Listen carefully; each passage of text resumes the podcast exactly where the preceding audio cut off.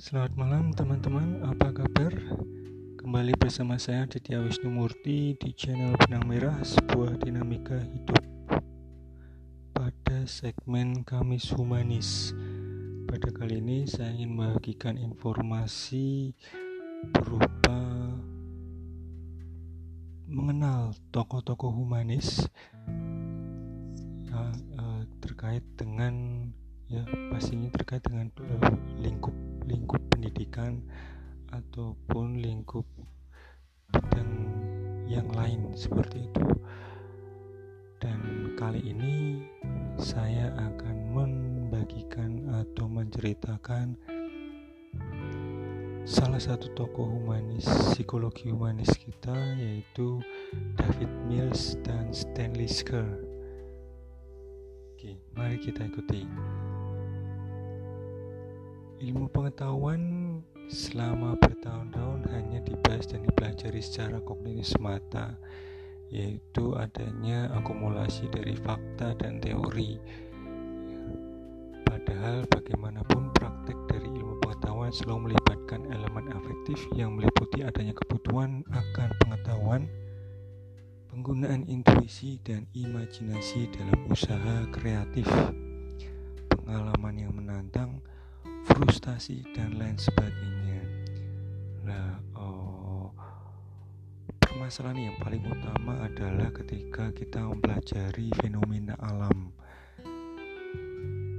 Banyak para guru atau pembelajar waktu itu hanya menjelaskan konsep-konsep teori saja yang sungguh tidak bisa dijelaskan secara afektif kalau menurut saya sih seperti itu ya. Sehingga kita hanya meng menghafalkan teori-teori ataupun konsep-konsep yang mungkin terlihat abstrak bagi kita. Kalau ada siswa atau orang yang kurang mampu berpikir secara abstrak bisa saja mereka hanya menghafal. Nah ini yang menjadi permasalahan utama ketika saya harus menjelaskan atau menceritakan dua tokoh humanis kita seperti kali ini. Oke, nah, berdasar fenomena yang telah tadi saya ceritakan, uh, David Mills dan Stanley Scher mengajukan konsep namanya pendidikan terpadu atau bahasa Inggrisnya bisa dikatakan sebagai confluent approach ya pendidikan terpadu. Tidak hanya melibatkan kognitif atau area intelektual saja tetapi juga melibatkan afeksi atau perasaan murid dalam belajar.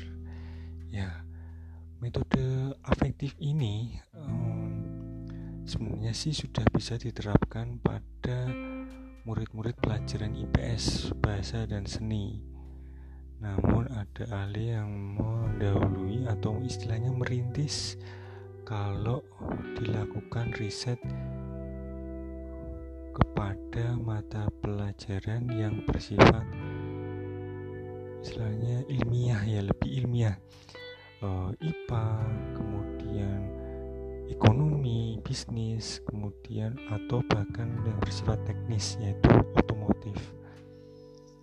Nah, ini termasuk pendekatan ini kalau dari historinya ini lebih dispesifikan sebagai terapi gestalt. Jadi dalam pendidikan tidak hanya melibatkan elemen afektif, tapi juga melibatkan elemen kognitif.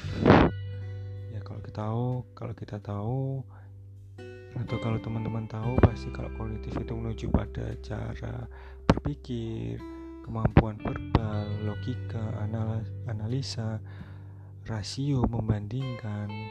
Kalau efek afektif itu lebih kepada perasaan cara memahami perilaku cara memahami perasaan.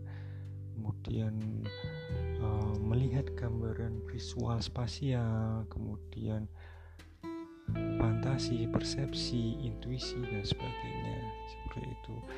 Pada umumnya pendekatan ini itu bisa mengembangkan kesadaran murid terhadap diri dan dunia sekitarnya serta meningkatkan kemampuan untuk menggunakan kesadaran ini dalam menghadapi lingkungan dengan berbagai cara menerima petunjuk internal dan menerima tanggung jawab bagi setiap pilihan mereka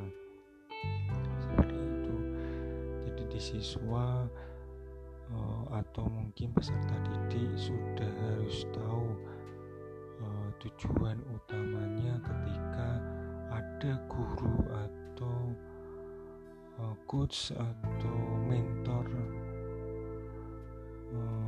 menggunakan pendekatan ini. Selain selain untuk memecahkan selain untuk memahami informasi atau ilmu siswa disuruh untuk dituntut untuk sadar akan dirinya dan bagaimana kapasitas dirinya untuk menerima tanggung jawab serta menyelesaikan permasalahan kehidupannya seperti itu. Nah, apa dong fungsi guru di situ kalau memang uh, melakukan pendekatan ini? pastinya membebaskan muridnya dong. Gimana caranya para murid tidak tergantung pada guru dan tujuan akhirnya pastinya uh, tanggung jawab siswa atau peserta didik untuk lebih kalau kata Mas Menteri merdeka belajar. Nah, guru hanya membantu mereka dengan pilihan yang masuk akal bagi pikiran mereka. Dan jika perlu guru menolak atau bisa menolak memberikan bantuan untuk hal-hal yang seharusnya sih bisa ditangani oleh muridnya itu sendiri. Seperti itu. Nah terus apa dong tujuan secara detail dari pendidikan terpadu ini? Yang katanya lebih humanis seperti itu. Ya yang pertama adalah membantu murid untuk mengalami proses ilmu pengetahuan termasuk penemuan ide, pengembangan kreativitas seperti itu. Yang kedua, membantu murid dalam mencapai kemampuan untuk menggali dan mengerti diri mereka dan lingkungan sekitarnya dengan cara ilmiah. Jadi mampu mengenali diri dan menyelesaikan persoalan sesuai dengan step-step atau langkah-langkah secara ilmiah. Nah, siapa yang bisa menerapkan langkah-langkah mengajarkan? Ya pastinya gurunya. Seperti itu. Kemudian tujuan yang ketiga meningkatkan pengertian dan ingatan terhadap konsep dan ide dalam ilmu pengetahuan. Ya tidak hanya menghafal tetapi mereka mengerti dan paham. Nah, kalau kita, saya menggunakan kata-kata mengerti dan paham itu mungkin lebih bersatu manis ya daripada menghafal dan mengerti. Seperti itu. Oke, tujuan selanjutnya tujuan yang keempat menggali bersama murid implikasi dari aplikasi yang mungkin dari ilmu pengetahuan. Jadi bersama-sama belajar bersama antara guru dan peserta didik untuk mengetahui dampak-dampak atau akibat-akibat sebab akibat dari uh, ilmu seperti itu dari ilmu atau gejala-gejala alam. Ya, mungkin spesifiknya seperti itu ya. Oke, tujuan yang kelima memungkinkan murid untuk menerapkan baik proses maupun pengetahuan ilmiah untuk diri mereka serta meningkatkan kesadaran murid terhadap dunia mereka dan setiap pilihan yang mereka ambil. Ya tadi ya mungkin tujuan ini hampir sama dengan responsibilitas seperti yang tadi sudah saya uh, katakan jadi di sini uh, peserta didik atau murid bertanggung jawab terhadap bagaimana mereka memperoleh ilmu atau memperoleh informasi serta bagaimana mereka meningkatkan diri terhadap kapasitas mereka dalam menyelesaikan persoalan yang mereka ambil persoalan yang mereka selesaikan ataupun keputusan yang mereka pilih. Seperti itu. Nah uh, confluent approach ini uh, pastinya harapannya menunjukkan hasil yang lebih efektif dari pengajaran yang lebih menekankan kognitif saja kata Huxley waktu itu saya pernah mengatakan janganlah mengajar secara verbal saja tapi kemampuan nonverbal juga harus diutamakan. Nah kalau teorinya atau konsep yang dirintis oleh David Mills dan uh, Stephen Eko eh, Stephen? Stanlisker ini mengatakan tidak hanya lebih ke kognitif tapi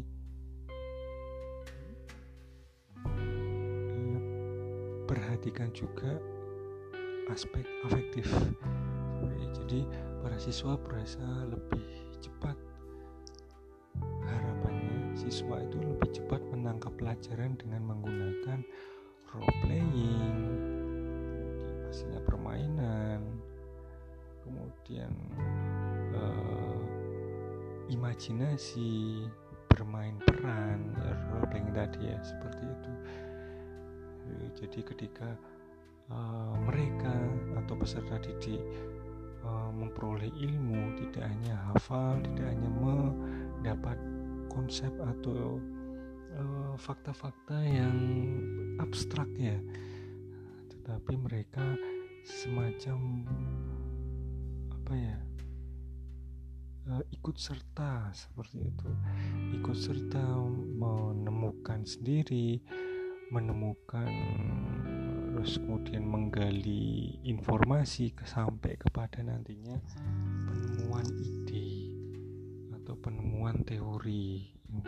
Yang mungkin saja walaupun sudah ada tetapi mereka atau didik yang uh, dalam pembelajaran mereka yang menemukan secara mandiri seperti itu. Oke. Okay saya cukupkan sharing informasi ini ke teman-teman semua.